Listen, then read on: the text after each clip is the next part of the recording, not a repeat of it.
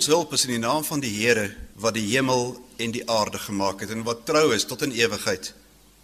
Geliefde gemeente, broeders en susters, genade, barmhartigheid en vrede vir u van hom wat is en wat was en wat kom en van die sewe geeste wat voor sy troon is en van Jesus Christus die getroue getuie, die eersgeborene uit die dode en die owerste oor die konings van die aarde.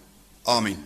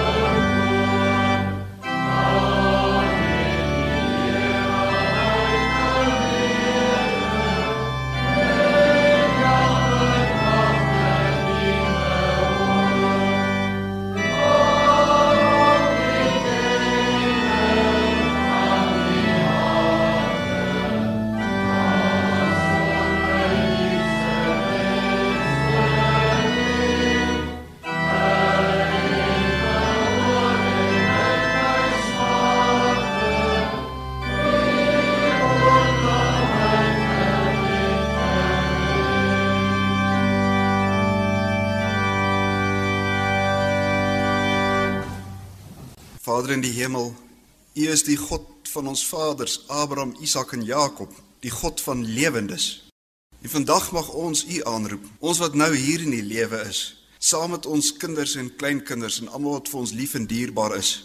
Mag ons U ken en dien en lief hê. Ons mag onder U sorg lewe en ons besef hoe uitermate bevoordeel ons is. U het ons in die ewigheid gekies. U het ons by die naam geroep. U het dit plegtig verklaar. Jy is myne. Ons verdien dit nie. Dit is net genade in u onbegryplike welbehae doen u dinge met ons wat ons nie kan bevat nie. Ons dankie Here dat ons op die basis wie by mekaar mag wees. U dring die liefde in ons om te aanbid. En daar soveel om te doen dat u woord sy loop mag neem in ons doen en late en ons praat en ons denke en ons beplanning. Daar moet nog soveel gebeur want ons kontinent en ons land en in ons stad is die ruimte daar Die saad van die evangelie is 'n kragtige saad en ons bid dat dit baie vrug mag dra in ons direkte omgewing, maar ook tot in die uithoeke van die wêreld. Here, gee ons die genade om te bly groei, dat ons diensbaarheid sal toeneem en ons ywer nooit sal vervlou nie. Wees met almal wat U aanroep in moeilike omstandighede. Wil U uitkoms gee wat die nood hoog is. Wil U ons nou in ons erediens seën en in genade aansien. Verhoor ons om Christus wil in die vergifnis van al ons sondes. Amen. Ons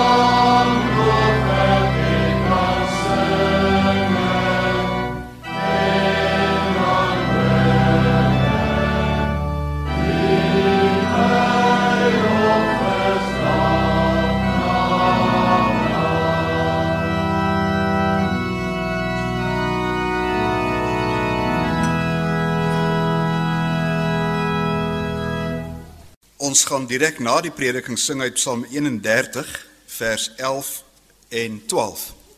Openbaring 2 vers 8 tot 11. Die brief wat die apostel Johannes in opdrag van Christus moet skrywe aan die gemeente in Smyrna en in verband met daardie brief gaan ons eers enkele verse lees in Lukas 9 vers 18 tot 27. En toe hy besig was om alleen te bid, was die disippels by hom en hy vra hulle en sê Wie sê die skare is ek? Hulle antwoord en sê Johannes die Doper en ander Elia en ander dat een van die ou profete opgestaan het. En hy sê vir hulle: "Maar julle, wie sê julle is ek?" En Petrus antwoord en sê: "Die Christus van God."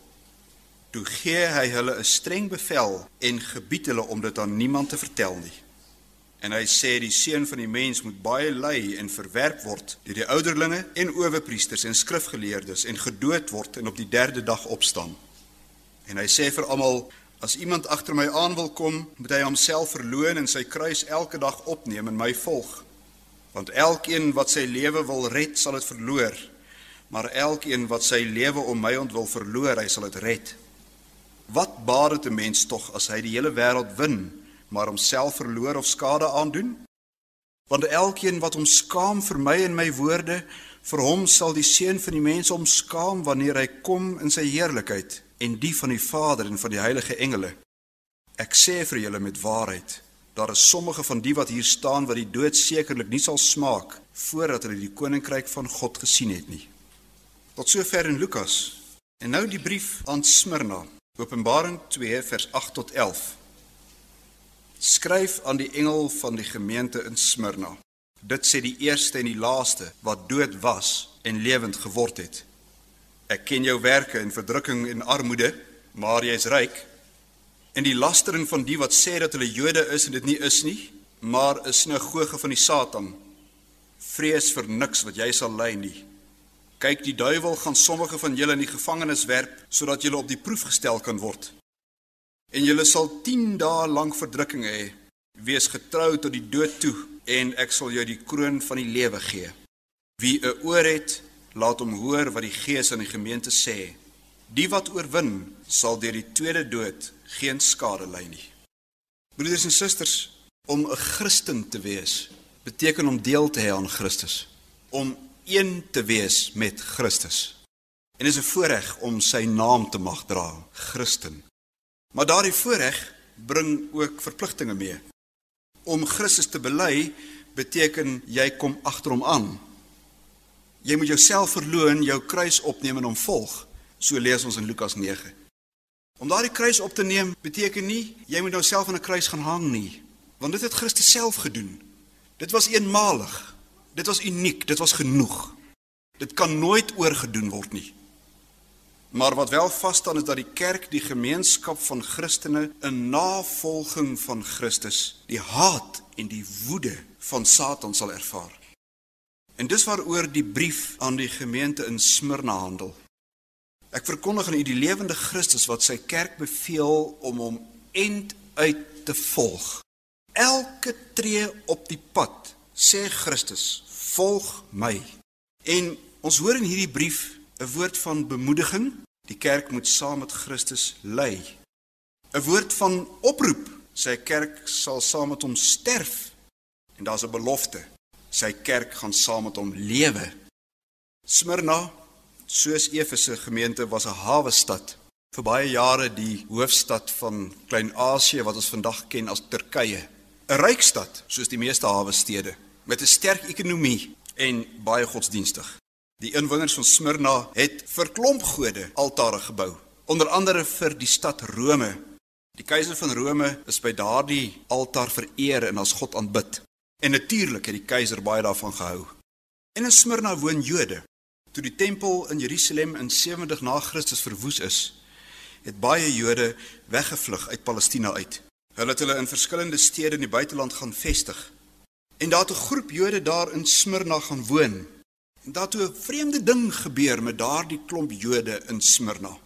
Oor die algemeen het die Jode en die Romeine glad nie om dieselfde vuur gesit nie. Ons weet dat Jode en ander volke nie maklik met mekaar meng nie. Die Jode hou hulle self eenkant. Maar in Smyrna het hulle vriende geword van die Romeine. En eintlik is dit in die geval nogal verstaanbaar, want die Romeins-gesinde owerhede of inwoners van Smyrna het gesien dat hierdie Jode slim besigheidsmense is en die stad kan voordeel trek daarvan. En toe maak die inwoners van Smyrna 'n klompie toegewings na die Jode se kant toe. Hulle kry hulle eie woongebied, hulle word vrygestel van diensplig, hulle kan hulle eie godsdiens beoefen. Daar mag nie gediskrimineer word teen die Joodse godsdienstige gebruike nie. Baie toegewings, baie voorregte met een vereiste. Hierdie Jode moet bereid wees om ook vir die keiser te bid. Hulle is welkom om vir hulle Here te aanbid in hulle tempel en hulle mag offer vir hulle God, maar hulle moet nie nalat om ook die keiser te aanbid nie. En die Jode het hieroor gedink. Hulle het mooi hieroor gedink met hulle besigheidsbrein. En hulle besigheid gaan van krag tot krag. Hulle behou hulle godsdienstige identiteit en hulle gebruike. En daardie een enkele vereiste is nie te veel gevra nie. As hulle in die sinagoge vir Jahwe bid, dan sal hulle ook 'n paar reëls aan die keiser wy. Terwille van 'n goeie bestaan is mens bereid om hierdie toegewing te maak. 'n Mens gaan tog nie van die Here vergeet nie. Ons bid vir hom en ons bid vir die keiser. Dis hoe die Jode gedink het. En so sien 'n mens in Smyrna 'n soort van 'n onheilige samewerking. Die Jode gee toe, die heidene gee toe, die een bietjie meer as die ander een en op daardie basis vind hulle mekaar. Die keiser, die god van Rome en Jahwe, die god van die Jode, raak met mekaar versoen. En hiervan sê Christus So 'n sinagoge is nie meer 'n byeenkoms waar die enigste ware God verheerlik word nie. Dis 'n sinagoge van Satan. 'n Ernstige klag is sinagoge van Satan. Maar dis die reine waarheid. Want hier glimlag die duiwel breed. Naas die enige ware God word die keiser 'n gewone mens aanbid. 'n Gemeente in dieselfde stad waar hierdie verskriklike dinge gebeur vergader Jesus Christus sy kerk. Die kerk van Christus kan nie saamgaan met hierdie onheilige planne wat die Jode en die Romeine saam uitdink nie. Die Christene bely steeds dat God alleen die Here is. Jesus Christus is die eerste en die laaste, die Alfa en die Omega, die een en die al. En die keiser van Rome moet gerespekteer word. Hy bedien 'n ampt wat God ingestel het, maar hy is nie God nie. Keiseraanbidding, dis afgoderry. Dit druis lynreg in die eerste gebod in. Dit het die Christen gemeente in Smyrna hard en duidelik verkondig. Hulle het nie stil gebly daaroor nie. En toe kom daar spanning. Die inwoners van Smyrna, veral die Romeine, word kwaad vir die Christene. Hulle dreig om al die toegewings wat hulle gemaak het terug te trek. As julle Christene nie saam met ons die keiser wil aanbid nie, dan sal ons sanksies toepas. Ons maak die lewe vir julle moeilik. Ons sal julle keer om julle godsdienste te beoefen. En broeders en susters, die hartseer is dat hierdie mense van die sinagoge, daardie Jode, die sogenaamde Jode, die Romeine hierin ondersteun. Eintlik is die Christen gemeente daar in Smyrna vir die Jode 'n verleentheid. 'n Riskante verleentheid, want die Joodse sinagoge en die Christen gemeente word dikwels in een asem genoem. Is daar nie baie Jode wat ook aan die Christen gemeente behoort nie? Die Jode wat aan 'n sinagoge behoort, waar die keiser aanbid word, wil nie met die Christen gemeente geassosieer wees nie. Net nou net nou word hulle besigheid ook bedreig. Nou mens sien die prentjie wat hier gevul word. In Smyrna span Jood en Romein saam om die Christendom en die Christene uit te roei. Anders gesê, die heidene wêreld en die afvallige kerk span saam teen die kerk van Jesus Christus. En dis tog wat die sinagoge van die Jode in werklikheid is, dis 'n afvallige kerk. Dis mense wat praat oor God, maar intussen dink hulle aan hulle beursies. Hulle roem dat hulle God ken. Hulle kom daarvoor uit dat hulle Godvreesend is. Hulle lees die Ou Testament elke Sabbatdag. Hulle onderhou die wette van Moses, maar hulle koester Satans aanbidding in die vorm van keiseraanbidding in hulle eie erediens. En dit terwyl van oorlewing. Hulle verloon Christus met die daad en dan maar te kere gaan teen die Christene. En nou kom Christus, die koning van die kerk. Hy bemoedig daardie Christene in Smyrna. Ek ken jou werke, sê hy, jou verdrukking. Broeders en susters van Smyrna, julle moenie alleen voel nie. Die Here ken die pad waarop sy volk moet gaan. Die verdrukking wat julle beleef is meer as siekte en ouderdom en daaglikse probleme. Julle het te doen met geweld van dood. Dis letterlik wat daar in vers 9 staan. Die Here weet hoe julle met geweld doodgedruk word. En daar in Smyrna kon mens dit met jou eie oë sien dat die vyand van God besig was om die Christene dood te druk. Ekonomies, die teks praat van armoede, tekort aan lewensmiddels. En jy kan dit vir jouself dink, broeders en susters. Christene weier om die keiser te aanbid. Hulle weier om hierdie pad te loop van Romein en Jood wat saamspan. Toe begin die afpersing. Hulle word afgedank in die werk uit. Besigheid met Christenhandelaars word gestaak. Kontrakte met Christenarbeiders word opgeskort. Die kerk van Christus word in die armoede ingedwing. Nie omdat hulle kwansys nie goeie werk gedoen het nie, want hulle in Christus glo. Hulle neem standpunt in. En by daardie armoede bly dit nie. Hulle word belasted deur die Jode. Die Jode kla die Christene aan by hulle Romeinse vennote. Hulle beweer dat die Christene teen die Romeinse keiser in opstand kom, want hulle weier om die keiser te aanbid. Soos wat Christus aangekla is van revolusie. Christene word voor die hof gesleep oor allerlei valse beskuldigings. 'n Mens lees oor hierdie prosesse in die geskiedenis van die vroeë kerke, afgryslike verhale van marteling en vernedering en bloedvergieting en pyn. Maar hierdie brief aan Smyrna maak mense oë oop vir die gekombineerde mag van die afvallige kerk en van die wêreld. 'n Stryd broeders en susters wat aangaan deur al die eeue.